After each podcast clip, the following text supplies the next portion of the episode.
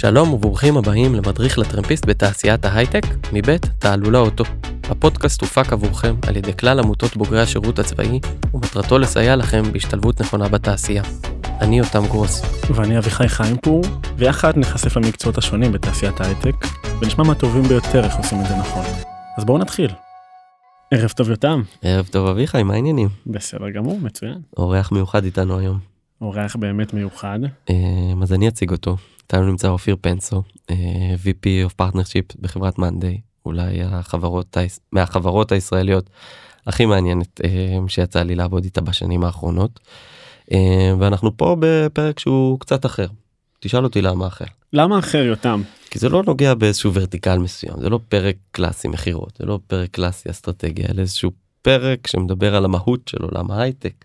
אמ, ועל היכולת של החברות בתוכו ליצור שיתופי פעולה ולקדם בעצם אחת את השנייה בעזרת הדברים האלה. אמ, אופיר מה שלומך? מה קורה חברים? בסדר גמור. ממש כיף להיות פה אני רואה ככה את הדינמיקה היום בערב הרבה אנרגיות זה כיף. כן כן זה חוויה שאנחנו נהנים ממנה ומקווים שגם אתה. אה, ושמחים וטוב שאתה איתנו כאן היום. אז אה, נראה לי שהכי טוב זה להתחיל באופיר פנסו ספר לנו קצת עליך מי מה מו. בטח קודם כל אני אשמח וכן זה אני חושב ש partnership זה זה דומיין טיפה יותר אה, שונה ונסביר עליו לעומק אבל קצת עליי לפני כן. אופיר פנסו בן 32 במקור מקריית אונו היום מתל אביב קשה להגיד שאתה מתל אביב כשאתה במקור ממקום אחר.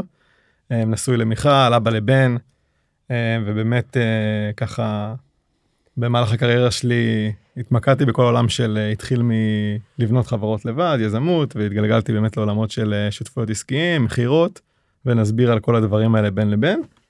אה, אבל כן, ככה, ככה נתחיל.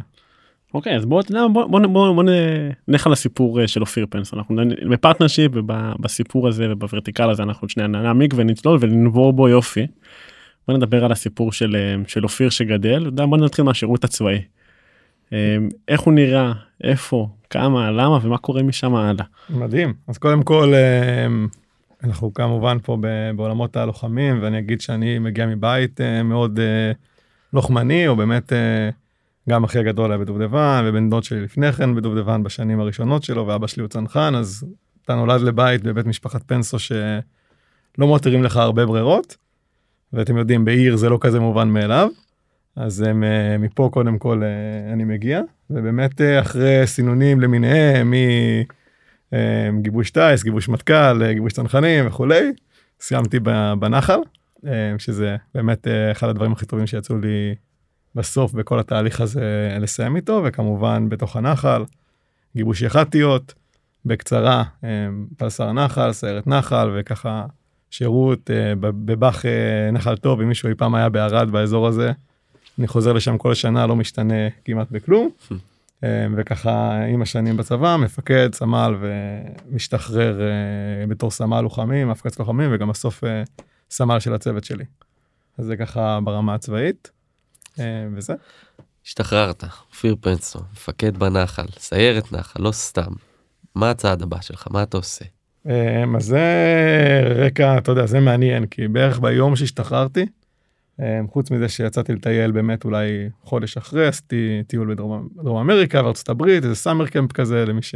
כמה זמן אנחנו עושים פה מבחן אתה יודע בין כל אה, אחד לאחד פרק לפרק כמה פרק של הטיול אה, הדומיננטי. יפה זה overall תשעה חודשים אבל אה, חודשיים summer camp עוד חודש ארצות הברית ואז שישה חודשים כל דרום אמריקה. אתה יודע חוויה שבאמת אחרי זה אתה רק מבין כמה היא גדולה ורק רוצה לחזור לעולמות האלה. אבל ביום שחזרתי אה, בעצם אה, אני יושב עם אה, שותף שלי לשעבר, שגם היום הוא עושה בעצמו דברים מעניינים, והחלטנו להקים חברה להפקות אירועים, שזה כמו שאנחנו פה בעולם ההייטק, מה הקשר, נכון? נגיע לזה. אז באמת יום אחרי שאני חוזר, ישבנו בבית בשישי, אני זוכר את זה, בבית של, ה, של ההורים שלי, והחלטנו שאנחנו פותחים חברה להפקות אירועים.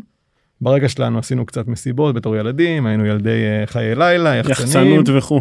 וכולי, כן? עשינו כמה הפקות גדולות בתור ילדים, אבל אמרנו, אוקיי, מה עושים? שני אנשים שיותר אוהבים ליזום, בואו נתחיל בחברה. וככה באמת התחלנו את הקריירה העסקית שלנו back in the days.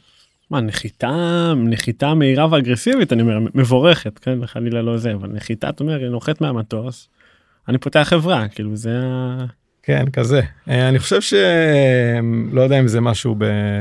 בדם או. או באופי, אבל גם בזמנו שותף שלי, הוא בעצם התחיל את החברה, הוא התחיל אז, אה, כבר דיברנו עוד שהייתי בחו"ל, הוא התחיל אה, לחפש כל מיני עולמות בהם אפשר להפיק כבר אירועים מתקדמים, לא מסיבות, יותר פסטיבלים, בזמנו סטריטבולים, כל מיני מופעי ספורט גדולים בערים, והוא בעצם התחיל את היוזמה.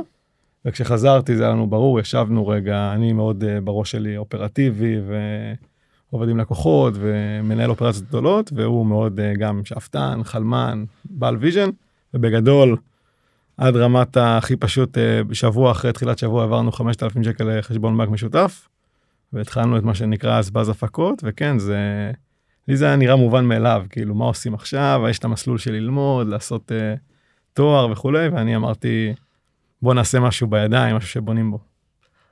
אני רוצה לשמוע עוד. אתה רוצה לשמוע עוד אביחי? אני, אני פה פה לסת למטה בינתיים. הקמנו חברת הפקות, מה קורה?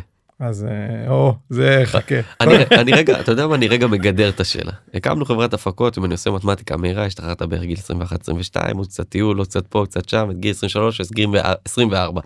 איך תוך שמונה שנים מישהו שפתח חברת הפקות בגיל 23-24 מגיע להיות VP ביוניקורן ישראלי מהמדוברים שיש. אה, וואו, זו שאלה ענקית שאתה יודע, צריך לפרק אותה לחלקים, אבל בוא נתחיל עם החלק הקל יותר מבחינתי, שתכלס הוא הקשה ביותר. אה, אני חושב שבקריירה שלי, בעשר שנים שאני בקריירה מקצועית, אה, אחרי הצבא, הדבר הכי קשה שעשיתי היה להקים חברה בעצמי, בטח בתור ילד, הייתי אז באמת בן 22 וחצי, 3. ואתה יודע, גם להיתפס כמישהו רציני, כשאתה בא ללקוחות ומתחיל למכור את- עצמך ולהבין איפה אתה יוזם, זה מאוד מאוד קשה. וממש היינו, אולי כבר אז, אה, גם השותף שלי, קוראים לו אופק, אה, אקס שותף שלי, אה, גם הוא יוצא מגלן, אה, ושנינו עם סכין בין השיניים, צעירים, רעבים, אה, בלי הרבה מימון, בלי הרבה ניסיון מקצועי, מתחילים להבין מה זה אומר, גם מגיעים למפיקים הכי גדולים בתעשייה, גם מבינים איפה יש לנו יתרון יחסי, מה שונה בנו מאשר אחרים, ובאמת ראינו שאחד אנחנו אנשים של אנשים, אנחנו מאוד אה, מדברים, מתחבבים, בסוף בגובה העיניים, ואין לנו איזושהי פוזה כזו או אחרת, שהייתה מאופיינת לתעשייה, וגם יכולים להביא את הערך בעולמות שכבר חלקם היינו בהם, אה, מופעים גדולים, פסטיבלים, אירועים המוניים, ובאמת משם התחלנו, וככה אפשר להעמיק בזה עוד, אה, עוד הרבה, אבל זה היה, בכללי, הקמה של חברה זה תהליך שאתה, שבונה את עצמך מלהבין איך רושמים חברה, ומה זה אומר, ולשלם מיסים, ולדווח מע"מ, ולהעסיק עובדים. ואתה יודע, אחרי שלוש שנים היינו כבר עם אה, מחזור של איזה עשרה מיליון שקלים, ושישה עובדים, ואופרציה שעובדת, אז זה, זה בית ספר אולי הכי מטורף שהיה לי אי פעם. גדל עם זה אתה יודע הלכה למעשה כאילו אתה באמת באמת גדל עם זה אתה יודע מהמונחים של איך אתה פותח ואיך אתה רושם ואיך אתה מנהל את המחזור. ודברים שמאוד בסיסיים אתה גדל איתם עד לכדי שאתה באמת אה, מקים אה, יודע לגלגל כסף ויודע לגלגל כאילו עבודות. ממש, ו- וזה גם לדעת אה, גם, גם להיכשל, כי זה הרבה, בהתחלה שואלים, רגע, איפה הניסיון? אז צריך להראות את איך שעשית משהו בעבר, הוא רלוונטי לניסיון, ובהתחלה ללכת לאנשים שמכירים אותך ושיסמכו עליך, וכל מיני בעלי חברות או אנשים שעובדים בחברות, אז לנצל כל מיני יכולות שהם באמת אה, שרידותיים יותר, אני אקרא להם. אה, באמת זו חוויה מטורפת, וגם בסוף זה נראה לי הרבה ללמוד לבד, לדעת אה, מרמת, מה זה אומר להקים חברה, מה, זה, מה כרוך סביב זה, איך מעסיקים עובדים. אני הפקתי את התלושי שכר הראשונים של העובדים שלי בעצמי, להבין איך עושים את זה, זה נראה טריוויאלי שאנחנו עובדים בחברה ומפיקים לנו תלוש, נכון, אבל איך התהליך הזה קורה ברקע ובכל חודש וכולי. דברים כאלה שזה מהקטן עד לגדול של איך אופרציה בסוף מתבצעת, ספקים, דדליינים, אז הדברים האלה באמת למדתי אותם בשלב די מוקדם. אני רוצה לקחת רגע את כל זה ואת האופיר שהצלחת לתאר לנו עד עכשיו ובאמת לנסות ולמצוא את הנקודה שבה מלוחם מטייל בדרום אמריקה מפיק אירועים הגעת להיכנס לתוך העולמות הכי טכנולוגיים שיש היום במדינת ישראל. והייתי רוצה רגע לדבר באמת על התפר הזה של ה... כי, כי זה בעצם גם מהות הפרויקט הזה שאנחנו מבצעים להצליח להבין איך אפשר לנתק מישהו שהיה מאוד מאוד פיזי כלוחם ובתכונות של אה, מלחמה לתוך עולם של טכנולוגיה ולא יודע עולמות של שיתוף פעולה כן אז אני חושב שזה נראה אומנם שונה, אבל בהרבה דברים זה מאוד דומה. בסוף, גם בצבא אנחנו מתחילים כולנו, בטח כל מי שלוחם, או רוב הלוחמים, מתחילים בהרבה מיונים למיני- למיניהם, להחליט לאן אני רוצה להגיע ולאיזה יחידה או לאיזה גדוד או לאיזה, לאיזה אזור בצבא. וזה מתחיל שם, בסוף כולנו שואפים לאנשהו ואז מתחילים להבין איך אני מגיע לאותו מקום אני רוצה להגיע. ואני חושב שגם ברמה המקצועית זה מתחיל בלהגיד איך אני מגיע למקומות בהם אני רוצה אותם. נגיד אני ברמה האישית ידעתי שהשתחררתי שאני רוצה לעשות משהו גדול יותר ברמה הממוצעת שלא רציתי לעשות את המסלול הטבעי של ללמוד ותואר ואז uh, התמחות וכולי ואמרתי אוקיי מה מה היתרון היחסי איפה אני יכול להיות גדול באיזשהו מקום ולעשות משהו שהוא מיוחד יותר. וכנ"ל גם אחרי זה בעולם הטכנולוגי נדבר עוד נגיע למעבר מעולם מאוד מאוד מסורתי ישן שונה עולם הפקות אירועים לעולם ההייטק שהוא חדש מתקדם מעניין איך עושים את המעבר וגם מה הדומה ומה שונה לדעתי אבל uh, האפיון של רגע לחפש איפה יש לך יתרון יחסי ומה מעניין אותך ולאן אתה רוצה להגיע לדעתי הוא קיים בכל קטגוריה וכל תחום. אז אני רוצה לחזור שנייה אחורה באמת לשלב הזה של, אה, של חברת הפקות. אה, שני חבר'ה צעירים עם חלום גדול ש, שרצים קדימה וגורמים לדברים לקרות מה שנקרא בידיים. מה, מה, מה קורה שם לאורך הדרך מתי אתה מבין שזה ש, שנכון שזה ייגמר או שנכון להמשיך הלאה. איך זה נראה ובאמת איך נראה הצעד באמת לקראת השלב הבא. אז באמת אה, אולי אני אשים את זה בזמן קצר זה היה בערך תקופת פרק של בין שלוש לארבע שנים שבאמת מאז שהקמנו את החברה שסגרנו אותה. אבל בזמן הזה עשינו המון בהתחלה התחלנו באמת מיתרונות יחסיים מצאנו כל מיני אזורים אה, שיש לנו יותר קשרים בהם. אירוע ראשון שעשינו היה streetball שהפקנו די מאפס שותף שלי בעצם מכיר uh, כמה חברים שהם חברי עירייה ברעננה בעצם לקחנו את המנדט העירייה הסכימה להשקיע באנשים צעירים שבאו ואמרו תנו לנו את הפרויקט נרים אותו לא היה streetball ברעננה שנים בהרצליה העיר התאומה המתחרה הגדולה יש כבר איזה מוסד גדול. ובגדול תוך כמה שנים הקמנו שם streetball שחוזר שנה אחרי שנה ועשינו את זה גם אחרי זה בהרצליה ובעוד ערים והיינו איזה מותג לזה והשתמשנו בזה בשביל לייצר עוד דברים. נכנסנו לעולמות האירועים לחברות והתחלנו למכור לחברות ואז אירועים עסקיים וכל פעם חיפשנו איפה היתרונות שלנו. בטבעי שלנו כן היינו יותר יזמיים וחיפשנו טרנדים שיש להם עכשיו טיימינג טוב. אנשים עוד לא יותר מקצועיים בזה מאיתנו ויכול להיות שרק מהידע נביא ערך. ובסוף בסוף התגלגלנו גם לעולמות של כנסים טכנולוגיים שפה מתחיל החיבור חיפשנו מה מעניין בעולם באמת מחיבורים של הרבה חברים הרבה להתעסק במה מעניין היום באיזה טרנדים יש בעולם.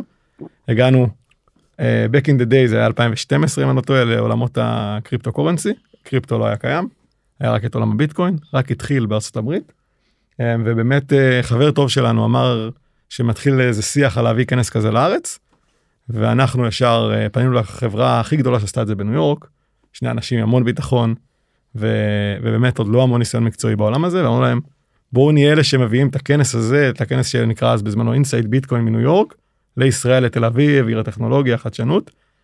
ו long story short עם הרבה הרבה משא ומתן והרבה גם סיכון שלקחנו על עצמנו וכולי ושותפויות שגם אז עשינו עם איגוד הביטקוין הישראלי שבדיוק התחיל וכל מיני אנשים טובים ואחרים. בגדול הפקנו כנס טכנולוגי ראשון שהוא היה המצע שלנו להתחיל להיכנס לעולמות הכנסים טכנולוגיים.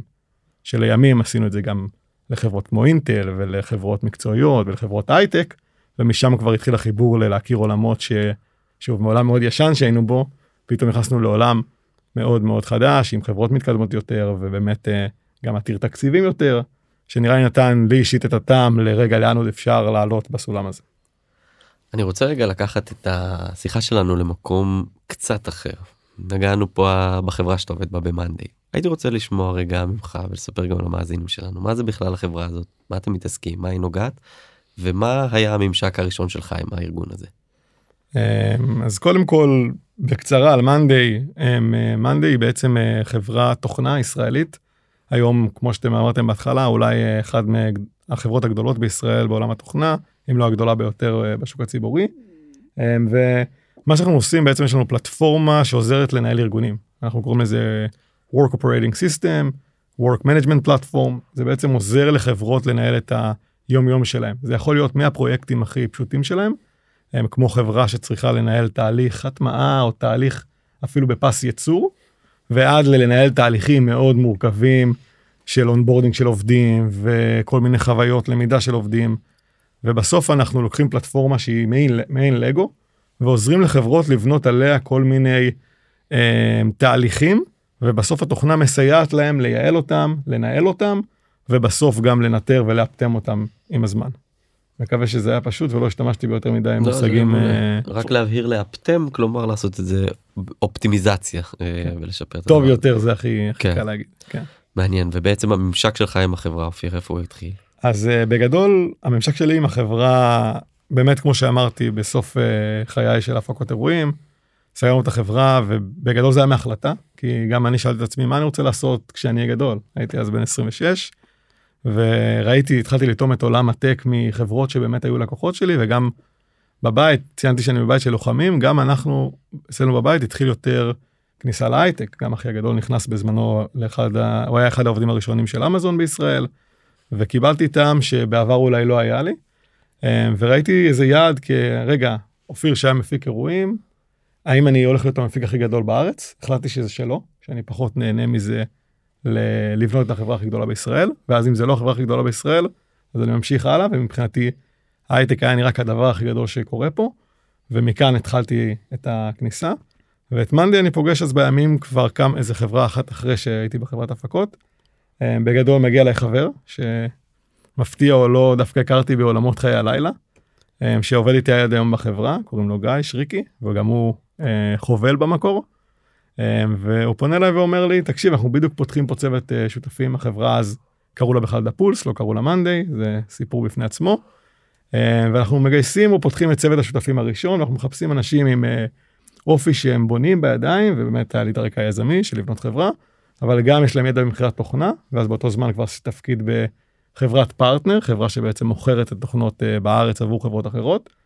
והניסיון המשולב של שניהם בעצם פה הביא אותי למאנדי ומצא לי את ה... בעצם הגיעה אליי ההזדמנות הזאתי אה, שלימים מתגלגלה באמת לאיפה שהיום. כלומר שאפיק הכניסה שלך לתעשייה היה בעצם דרך עולם המכירות דווקא. כן אז אה, באמת בקצרה אחרי שהייתי בבאז וסגרנו את החברה החלטתי שאני נכנס ל- לטק חיפשתי באמת אה, מקום והזדמנות ונכנסתי הגעתי לחברת פרטנר אולי פה זה יהיה מקום טוב להגיד מה זה בכלל פרטנר ו partnership זה דומיין רחב. אה, אבל בגדול פרטנרים זה מאפיין את כל ארגון שהוא ארגון עסקי אחר שאנחנו חוברים איתו על מנת בסוף לייצר עוד רווחים בשביל שני הארגונים ביחד. אז בדוגמה הזאתי אני עבדתי בחברת פרטנר שמה שהיא הייתה עושה היא הייתה מוכרת מוצרים של חברת טכנולוגיה אחרת. אבל בשביל אולי לפשט את המושג הזה מה זה partnership הדוגמה הכי טובה שאני נותן כשאני מדבר עם אה, סבתא שלי אני אומר לה היום שאת קונה טלפון אייפון מאיפה את קונה אותו מה היא תענה לי החנות איזה חנות תגיד מאפל אני יודע. מה iDigital בארץ כן iDigital בעצם הם פרטנר של אפל. נכון. והדבר הזה נכון לכל מוצר שאתם קונים חולצה שאתם קונים מוצר חשמל כל דבר שבערך שאתם קונים היום בישראל הוא נמכר על ידי פרטנר נגיד ניקח את ויזל שהוא הבעלים של קבוצת אה, הביגוד מהגדולות בעולם הוא מביא מותגים בינלאומיים ומוכר אותם בארץ. אני בתור לקוח לא יודע שקניתי את זה מפרטנר עסקי של החברה. אני מרגיש שקניתי את זה מאפל או קניתי את זה מאייפון אבל בפועל יש פה איזה שותף עסקי שיש לו הסכם מסחרי עם החברה המקורית ובסוף הוא מוכר את המוצרים שלה באותו מדינה או באותו אזור או לאותו סגמנט עסקי וזה ה... ברמה הכי פשוטה partnerships והוא קיים היום בכל עולם מסחרי שאנחנו מכירים. עכשיו שאנחנו רוצים כי באמת נושא נושא הפרק באמת זה אם אני אנסה למרות שהוא רחב זה partnership ובסוף. שאני רוצה לדבר על, על, על, ה- על הנתח הזה בחברה על החלק הזה בחברה.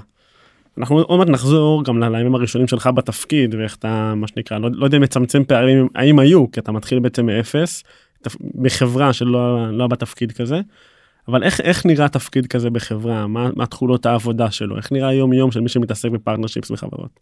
אז אמ, כמו שאמרנו partnership זה מושג מאוד רחב ואני הדרך הכי קלה לחלק אותו הייתי מחלק אותו לשלושה אמ, חלקים או אפשרויות אני אקרא כמו לזה. כל אה, חייל טוב. תמיד חלק שלוש. לשלוש. כן. שלוש דוגמאות זה תמיד עובד נכון אבל באמת הראשון זה מכירתי אז זה עולם המכירות איך מוכרים עם שותפות ואז באמת העולמות הם והדומיינים יותר דומים לעולמות המכירה. היעדים הם כספיים האנשים שאנחנו מחפשים הם יותר מכירתיים יודעים להניע שותפים שלנו בשביל למכור והם בסוף מנהלים סוג של צוות מכירות. מנהלים המון שותפים בכל העולם ובסוף השותפים האלה מייצרים מכירות עבור החברה ועבורם עצמם ויש להם איזה אחוז שהם נהנים ממנו אז זה סגמנט אחד. עולם השני הוא עולם מרקטיאלי יותר שהשותף הוא בסוף שותף שלי עבור אה, פעולות marketing עוזר לי לייצר אולי אה, לידים לקוחות פוטנציאליים עוזר לי לח- לחזק את ה brand שלי אה, ושותף שלישי יכול להיות שותף מה שאנחנו קוראים לו היום בתוכנה טכנולוגי זה עולמות יותר שהמוצר שלי והמוצר השני מביא ערך משותף טכנולוגי ביחד, או לא רק טכנולוגי, ערך מוסף משותף, וביחד נמכור יותר.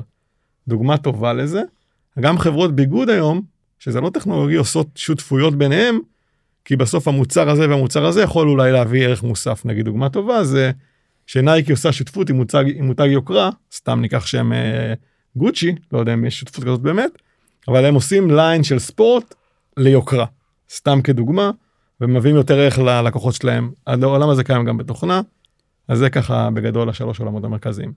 בעצם אם אני מנסה לזקק את המהות של שיתופי הפעולה המטרה של זה היא להגיע למצב שסך החלקים שווים יותר מהשלם. כלומר... אחד פלוס אחד שווה שלוש זה הדוגמה בסוף הכי פשוטה והכי קלה. בדיוק. ו...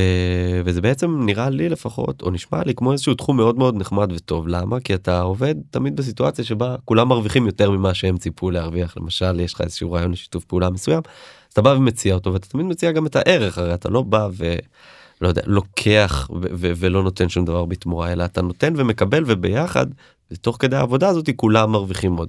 וזה משהו שאני מאוד מאוד אוהב אותו ברמה האישית בכל מה שקשור לתעשיית ההייטק ואני מרגיש ש... שזה נושא שהוא מאוד מאוד מהותי והייתי רגע רוצה לקחת אותך אופיר ולשאול איך לוחמים משוחררים אנשים שעכשיו סיימו שירות קרבי רחוק מעולמות הטכנולוגיה רחוק מהתעשייה הזאתי יכולים בעצם להיכנס לתוך התווך הזה שאתה מתאר פה של שיתופי הפעולה אה, בעולמות שהם אה, מבחינת התוכן המקצועי הם לא הלחם והחמאה שלהם ואיך הוא יכול לבוא ולגשר על הפערים האלה ולהצליח עדיין לייצר ערך אה, בתוך המרחב הזה. אז אני חושב שזו שאלה טובה והיא לא טריוויאלית ובעיקר כשאתה לוחם ושאתה משתמש במילה צעיר או רק משתחרר מהצבא. פה, פה אתה יכול להרגיש בנוח. כן, פה מותר. אה? לא, לא, ג'וניור, תגיד ג'וניור. כן. באנגלית זה עדין יותר. כן, אז רק כשיצאת מהצבא ואתה עוד רק מתחיל ואתה לא יודע איך הכישורים האלה של בטח כשאתה לוחם קשורים לתעשייה האמיתית, אז זה מאוד קשה לראות את זה. ואני חושב שבסוף בכל ארגון שותפויות יש גם רמות מסוימות ובסוף ההתחלה התחלה של שותפות היא מה שאמרת היא להבין אחד איפה יש ווין ווין כזה ואיך מייצרים ערך נוסף אחד לשני לחברות. ואז להתחיל למצוא אזורים ולמצוא רעיונות כאלה. ואגב, כשמדברים על נגיד ג'וניורים, לרוב זה יהיה השלב הראשון. זה תפקידים שאתה נכנס אליהם, ואתה בסוף מחפשים אנשים שיש להם יכולת הבנה טובה של אנשים קודם כל, ומה מניע אנשים. ודווקא בצבא אני חושב שזה, בטח בצוותים לוחמים, זה אחד הערכים אולי הכי חזקים. איך מניעים אנשים לאיזה מטרה משותפת, שבסופה אנחנו נניב ביחד פירות, מן הסתם רווחים בעולם המסחרי, ואני חושב שזה מתחיל עוד שמה. כי כל ההנאה של אנשים, גם אגב בביזנס כזה וגם בשותפויות, הוא מתחיל מהחיבור האנושי והבין אישי. גדול. אמ, הייתי רוצה הכי פרקטי שיש, לא יודע, מהסקרנות. תן לי את הסיפור שיתוף פעולה הכי שנראה לך הכי רלוונטי איזשהו עסקה שהצלחת לעשות איזשהו משהו כזה שגם יצליח לתת לנו רגע את הפרספקטיבה הטהורה של אוקיי הוא עשה אחת ועוד שתיים יצא לו חמש. ו... וגם במקום החווייתי אני חושב שזה ייתן לנו להכיר אותך יותר. כן, אני. משווה ומעלה. כן. לעסקה הראשונה או לשיתוף פעולה הדומיננטי הראשון שעשית. ש- שניתן לחשוף. אז יפה. קודם כל אנחנו חברה מאוד פתוחה גם ציבוריים אז הכל בחוץ ומה שאני מדבר עליו גם מאוד ישן בעיניים של מאנדי זה חמש וחצי שנים אחורה. וכששאלת את השאלה דווקא חשבתי על העסקה הראשונה אז אני אגע בשתי עסקאות או ב- שגם מגיעות משותפות. קודם כל השותפות הראשונה בחברה אנחנו מדברים על מצב ש Monday היא לא Monday שאתם מכירים אותה היום או אם אנשים מכירים את השם. זה חברה באמת ללא brand עדיין סטארט-אפ של 50-60 איש בתל אביב. אה, וגם כשאתה חושב שבתל אביב פתאום אנשים מכירים את השם כי זה סטארט-אפ מגניב אתה בסוף יוצא החוצה לעולם ו no one knows you כאילו אתה באמת שום דבר. ואז אתה מתחיל להיות אה, לשכנע אנשים בווין ווין הזה והעבודה הראשונה שאני עשיתי שהיום ואני דווקא מאוד אוהב את זה היום אני סמנכ"ל והיום הצוות שלי הוא יחסית גדול יש לנו אזור המאה איש שעושים שותפויות. Um, אבל כשאני הגעתי לחברה בידיים מה שעשיתי כל יום הייתי פונה לארגונים בכל העולם ומנסה להגיע למנכ"לים שלא כל כך שמים עליי ומנסה בכל חלון ובכל דלת ובכל דרך אפשרית שיתייחסו אליי ובסוף רגע לעסקה הראשונה אמ, אני זוכר אותה ועד היום אני מספר אותה כאיזה מורק אה, ברמה העסקית.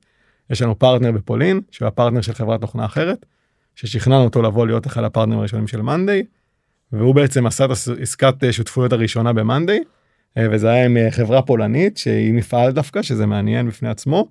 וזו עסקה אגב מאוד קטנה, כאילו כמה אלפי דולרים בודדים, אבל בזמנו בחברה זה היה מטורף, ומחיאות כפיים במשרד, משרד של 60-70 איש, רק שתבינו, עוד בחברה לא ידעו מה זה שותפויות, ואם אני לוקח אתכם כמה שנים קדימה, אולי שלוש שנים קדימה, כבר היה לנו שותפות עם אחד הארגוני partnership הכי גדולים בצרפת, שהם הפרטנר הכי גדול היום של גוגל ואמזון ומייקרוסופט, חברות שכולם מכירים, ויש להם 10 אלף עובדים והם נסחרים בבורסה הצרפתית, והם היום בונים צוות ייעודי שבסוף מה שהוא עושה זה מוכר ומטמיע את Monday בצרפת, ובסוף איתם סגרנו עסקה שהיא באמת מהעסקאות אה, הכי גדולות, אני לא אכנס למספרים, אבל עם uh, רשת קמעונאות שכולנו כול, מכירים את הלוגו, וזה עסקאות בסדרי גודל אחרים במאות אלפי דולרים.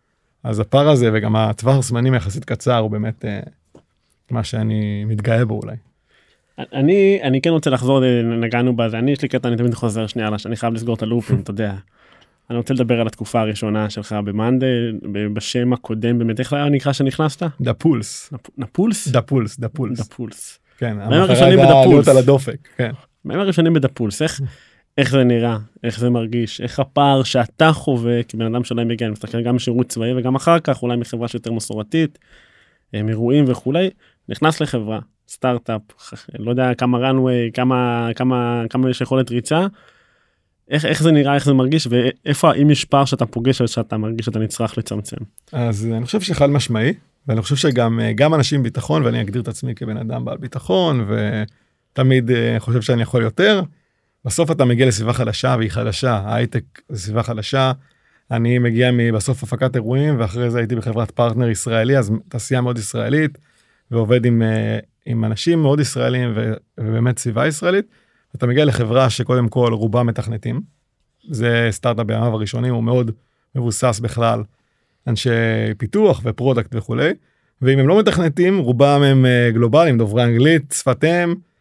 שהגיעו מלונדון, ארה"ב, ומגיע אופיר פנסו הישראלי, עם מבטא שעד היום אני מתגאה בו, וכבר אתה אומר, רגע, אני יושב באותו חלל עם האנשים ושומע אותם, ואתה אומר, רגע, אני, אני ברמה הזאתי, בין אם זה ברמת השיח, בין אם זה ברמת הפלואו, ורק כבר משם זה מתחיל, לדעת האם אתה מסוגל אה, לעמוד ב, בסטנדרט, ואני חושב שזה משהו שמאפיין הרבה אנשים, בעיקר אנשים שהם אה, מחוץ להייטק, והם רוצים לעשות את המעבר, יש את החשש הזה, האם אני ברמה?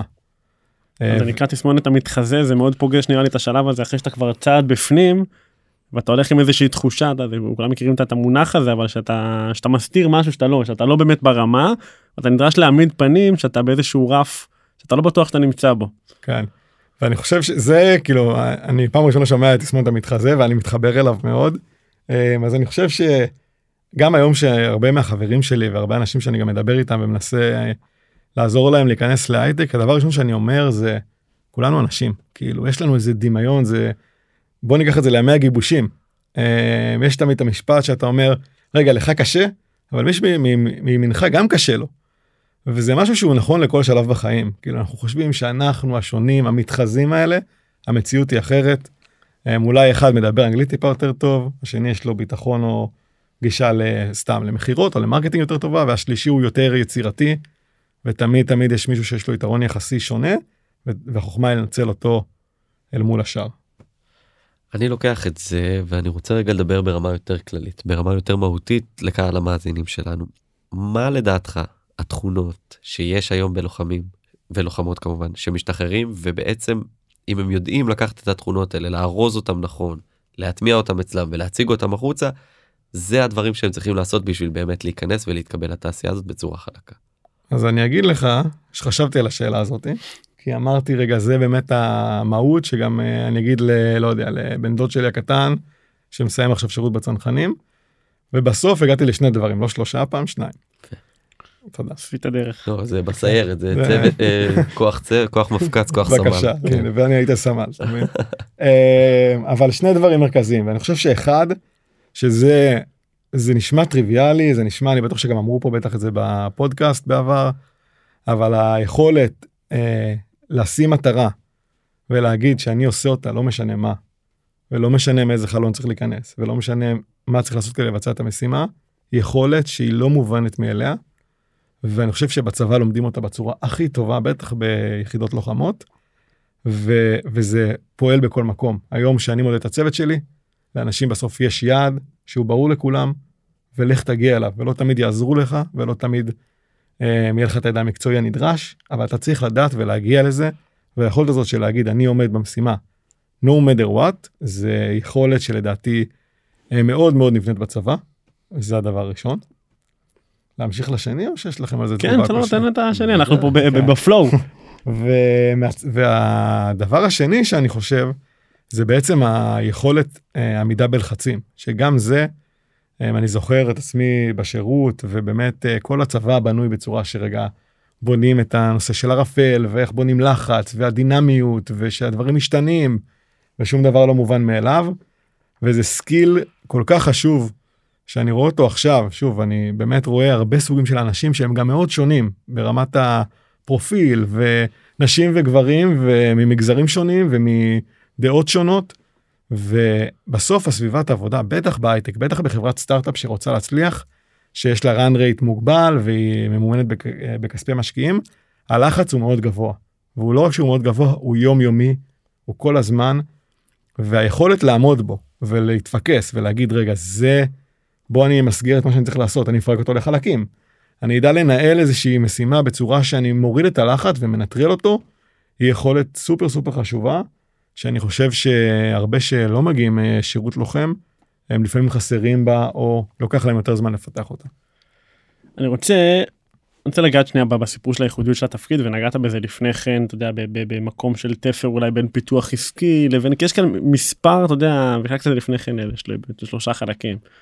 יש כאן, אתה יודע, אנחנו בפרקים השונים פה של הפודקאסט, אנחנו נוגעים גם במכירות, גם בפיתוח עסקי וכולי, ואנחנו מזהים פה שיש פה הרבה הצטלבות של, של מספר תחומים לאותו תוכן.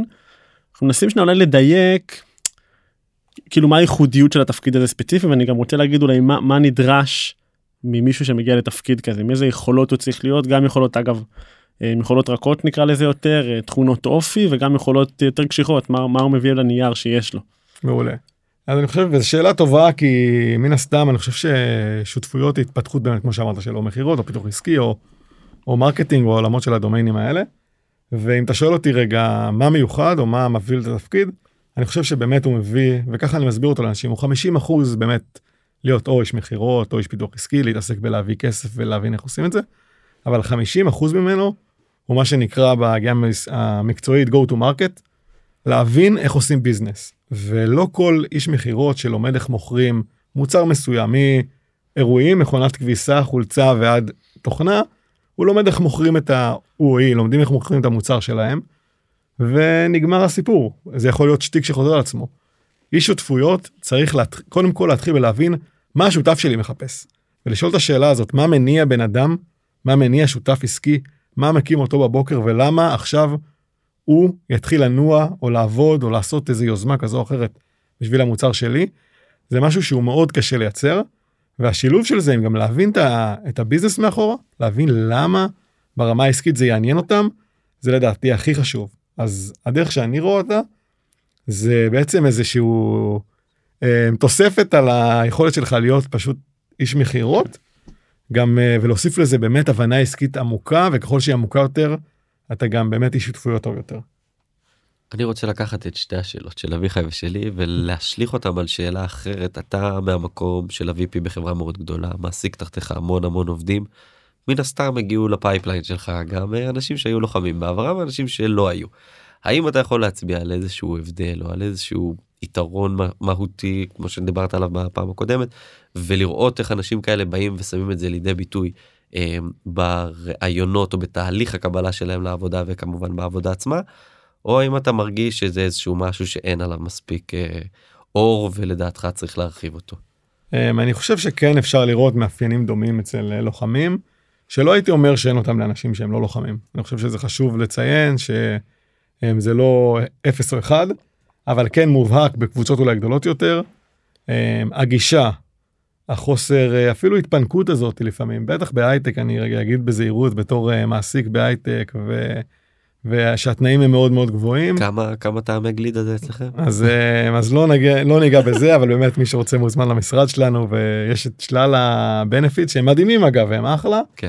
אבל לא בשביל זה באים לעבוד ואני חושב שה, שהיכולת של אה, לוחמים אחד להיות מאוד דוגרים וגם אה, באיזשהו מקום ללמוד דברים כמו לקבל פידבק לדעת לקבל מרות וניהול זה דברים שהם לא מובנים אליהם תמ- תמיד.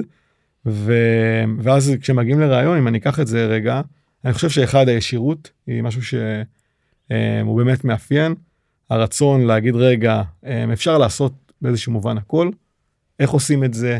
מה צריך לעשות כדי שזה יקרה? אני מוכן ללמוד מה שצריך כדי להגיע לשם. זה משהו שהוא אני חושב שמאפיין אנשים שמגיעים מהרקע הזה. אני, אני רוצה לקחת למקום, אה, אתה יודע, ללכת למקום אה, פרקטי טיפה אופיר.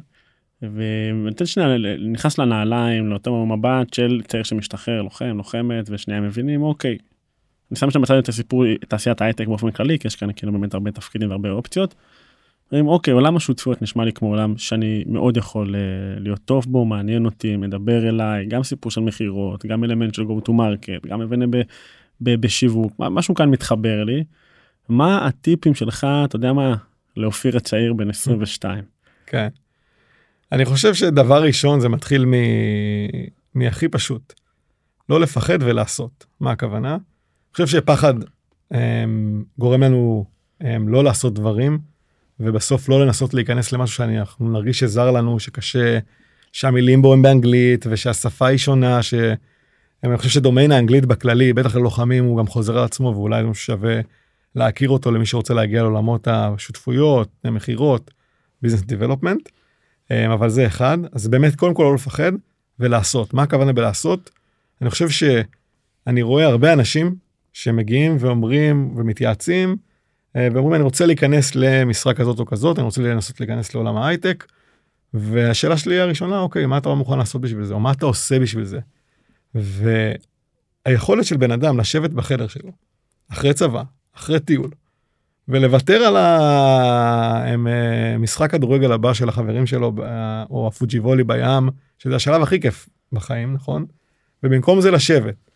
וכל היום הכל אונליין כולנו משתפים המון וגם אנשים מאוד רוצים לעזור כל הזמן בטח בתעשיית ההייטק ולפנות לאנשים פרואקטיבית ולמצוא פודקאסטים כמו שלכם ולהאזין להם מי שכבר מאזין לזה עשה משהו שהרוב לידו לא עשו.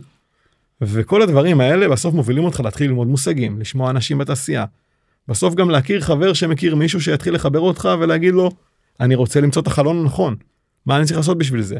והדברים האלה כבר ברגע שביצענו את השתי פעולות האלה אנחנו בעצם מינינו בחמש אחוז של האוכלוסייה של הלוחמים שיש לה סיכוי הרבה יותר גבוה למצוא את הכניסה שלהם.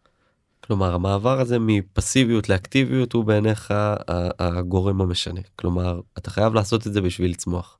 אני חושב שזה קריטי זה א' ב' וזה ההבנה גם שכולם אנשים אתה יודע אני חושב שאני רואה את זה היום.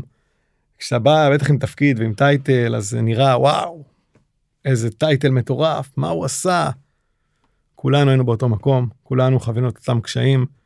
הם, כולנו היינו בשבוע סדאות וזחלנו והיה לנו פצעים בידיים וכולנו עשויים מאותם חומרים. ואני חושב שההבנה הזאת שאף אחד הוא לא גדול מדי בשבילי ואני יכול להגיע לכל אחד ולהתייעץ ולנסות להגיע לאנשים שמכירים ולא לפחד לבקש את השיחה הזאתי. זה דברים שהם uh, באמת קטנים כמו שאתה אומר אקטיביות אבל כבר הם שמים אותך בחמש אחוז של האוכלוסייה שהרוב הגדול לא עושה את זה. זה מהמם בעיניי אני הייתי רוצה רגע לבחון את זה מנקודה קצת אחרת זאת שאלה שאנחנו מאוד אוהבים לשאול ואני חושב שהיא סופר מהותית. אמ, גם בשביל האינטראקציה שלנו עם המאזינים ואני חושב שללכת להיות לוחם בשירות הצבאי אתה לא עושה את זה בשביל המשכורת כן אתה מקבל את הערכים של הציונות וזה מה שגדלת עליו וכולי וכולי. שאני הולך לעבוד בתעשייה במקצוע אה, כמו שלך בעולם השותפויות. בוא נשים בצד כמו שאמרנו את התנאים את השכר וכולי מה יוצא לי בסוף כאינדיבידואל שמגיע לתת לחברה את כל מה שיש לי מה אני מקבל בחזרה. אמ, אני חושב שאתה מקבל המון אני חושב שקודם כל אני אעיד עליי ברמה האישית. לא חושב ששום החלטה בחיים שלי כסף אה, הניע אותה לא מלהיות מפיק אירועים וגם לא מלהיות בשותפויות. אמ, ואני חושב שזה חשוב כי זה הערך מביא את הכסף או את התמורה או את הבנפיץ ולא ההפך וחשוב להגיד את זה. אמ, ואני חושב שמה שאתה מקבל בתפקיד של שותפויות, אתה מקבל כמה דברים. אחד, זה בסוף תפקיד של אה, בניית אה, חברים, שותפים מבחינתי זה חברים. אני היום שותף של 200 ארגונים בכל העולם, שוודיה, פינלנד, אה, גרמניה, פולין, ברזיל, מונטנגרו, and you name it. ולייצר רשת כזאת של אנשים גלובלית, ולפעמים להתחיל איתם את השיחה השבועית ב... היי אחי, מה קורה? איך אתה? איך הבת שלך? איך הילדים? מה המצב? מה קורה במדינה שלך? אני אביא דוגמה. עכשיו היה את המלחמה בטורקיה ורוסיה, ויש לי שותף רוסי, ואני עולה איתו לשיחה, והוא מספר לי שהוא בכלל uh, בגבול טורקיה עכשיו, עזב את הבית, כי מגייסים עכשיו את כל הגברים, הבן אדם עם חברה של 50 איש עושה מיליוני דולרים ברוסיה. וואו. והוא ברח לטורקיה, ואני אומר בואנה, כאילו, רגע מה אני לומד פה ואיזה זווית אני מקבל בכלל, עזבו את הביזנס, זה לא מעניין. זה פרופורציה.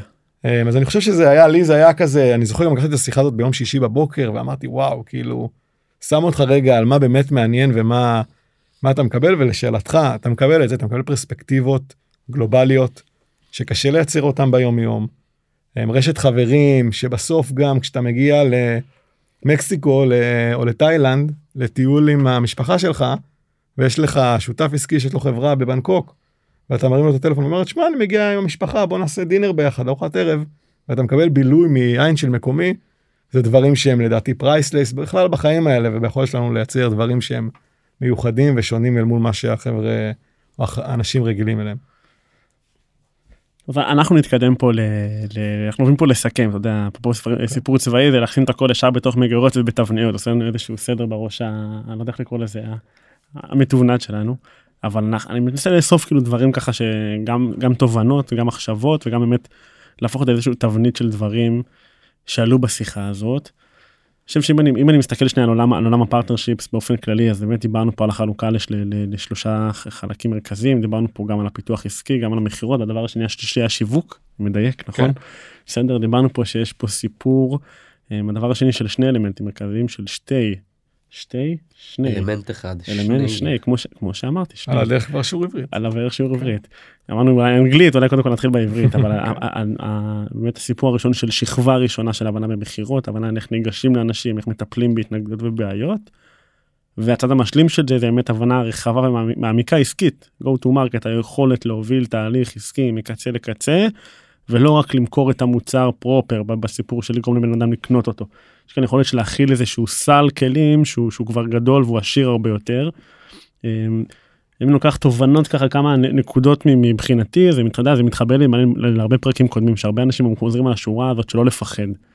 על סיפור של להעיז להעיז להעיז תדחוף על המקסימום תיכשל. הכל בסדר כאילו אתה בתחילת הדרך תדחוף ורק דברים טובים יגיעו. חושב שזה הדברים שאני יוצא פה מהשיחה הזאת גם שנייה בידע כללי שפתחת לי את העולם הזה כי אני לא, לא מספיק הכרתי אותו. אתה יודע וזה תובנות שתמיד נחמד לשמוע התובנות אה, המנטליות האלה. אותם. אני אני אני רגע רוצה לשאול אתה מרשה לי להשחיל עוד שאלה אחת רק אם זה בסוגריים ורק אם זה לא יותר משתי אופיר זה בטוב יותם. אנחנו יושבים פה עם אופיר ואני חושב כל הזמן בראש עם אופיר משהו מרגיש לי פה אחרת ואני חושב שהוא האורח הכי נינוח שהיה לנו עד היום בתוכנית יושב סבבה רגוע שותפויות. אבל זה כי זה פרסונה אתה יודע. בדיוק וכאילו בא לי רגע לשאול אותך שאלה כזאתי כי אני לא יודע אני חושב על זה איפה היו האתגרים שלך במעבר הזה בכניסה לעולם הזה בתעשייה הזאתי. כי דיברנו פה המון המון המון טוב בא לי לשמוע רגע קצת שיט. כן, או, אתה רוצה את כל הרשימה? כן. תכניס עוד כמה שעות באסלות עכשיו. אני חושב שזה מתחיל ב... קודם כל אני אספר לך משהו שאולי הוא מפתיע, אותי הוא הבטיח ששמעתי עליו שנתיים ומשהו אחרי. קודם כל כמעט לא קיבלו אותי לחברה. אז בוא נתחיל מקושי ראשון, כשבאתי להתראיין לחברה, ובאתי אמביציוני ועם פשן אה, והלוחם וה... אז גם ראו בזה כאיזשהו משהו שלא תמיד יודעים להתמודד איתו, בטח בעולם הטק. אה, ובאמת הייתי איזה גבולי כזה, עשו לי ממש עוד רעיון ועוד תהליך נוסף על התהליך הרגיל, וכבר פה התמודדתי עם איזשהו סירוב כזה, כי אמרו לי, רגע, לא בטוחים לגביך. אה, התרשמנו מצד אחד, מצד שני יש פערים מקצועיים. תצטרך לבוא לעוד רעיון ולעשות עוד איזה מטלה. ולי זה היה, רגע, מה שדיברתי עליו, באמת איזה עוד משהו, עוד איזה משהו שצריך לעשות כדי להגיע ל, ליעד, ואני חושב שזה שוב מאפיין שלא מתייאשים, לא מפחדים, עושים עוד אחד, ואם צריך גם עוד אחד, ובסוף מצליחים. וגם זה נכון גם אם אתה נכשל בתהליך, אז מוצאים את הדבר הבא ובסוף משהו יפגע ומשהו יצליח והוא יהיה גם הדבר הנכון ומתאים. וזה נכון בהכל באיזה חבר... יחידה אתה בצבא ואיזה חברה אתה מתקבל אליה. וגם אחרי זה אני אגיד אפילו מההתחלה הם אני חושב שנגיד אחד הפערים הכי חזקים ללוחמים שאני רואה או בכללי לישראלים אפילו אני אגיד. זה באמת כניסה לעולם מאוד גלובלי. וההבדלים התרבותיים והשפות ופתאום אתה עולה לשיחה שאתה ישיר ו... ומדבר עם, אה, עם הרבה ביטחון אבל אנגלית קלוקלת וגם לא מבינים אותך מספיק טוב. וגם בתרבות אתה יכול להרתיע פתאום אנשים פתאום אתה מדבר עם מישהו מתרבות אירופאית בטח מערב אירופאית. הפערים הם מאוד מאוד גדולים אני לא אגע כבר למדינות כמו יפן ואסיה שזה בכלל. ויכולת להגיד רגע איך לומדים את זה איך מגיעים למישהו שעושה עסקים שם הרבה זמן ובאים ושואלים אותו איך אתה ממליץ לי בכלל לגשת לשיחות כאלה אז אני שוב חוזר גם כשאתה מצליח לעשות צעד אחד קדימה להתייעץ לשאול ללמוד לא לפחד מללמוד לא לפחד להיכשל ואז מהכישלון הזה להגיד אוקיי אני חסר ב...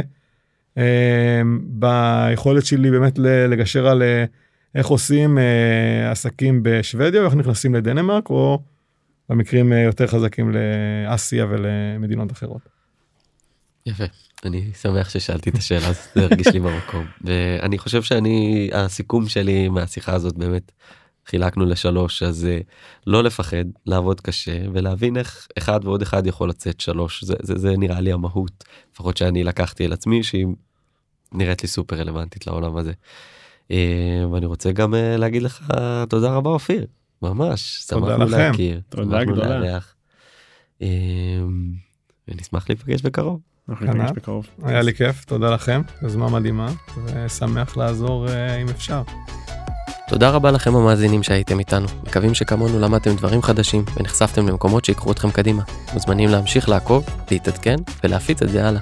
וזה הזמן להגיד תודה רבה לכל עמותות בוגרי השירות הצבאי שלוקחות חלק בפרויקט המדהים הזה. תודה לשאר חברי הפאנל של תעלו לאוטו, ושוב, תודה רבה לכם. ניפגש בפרקים הבאים.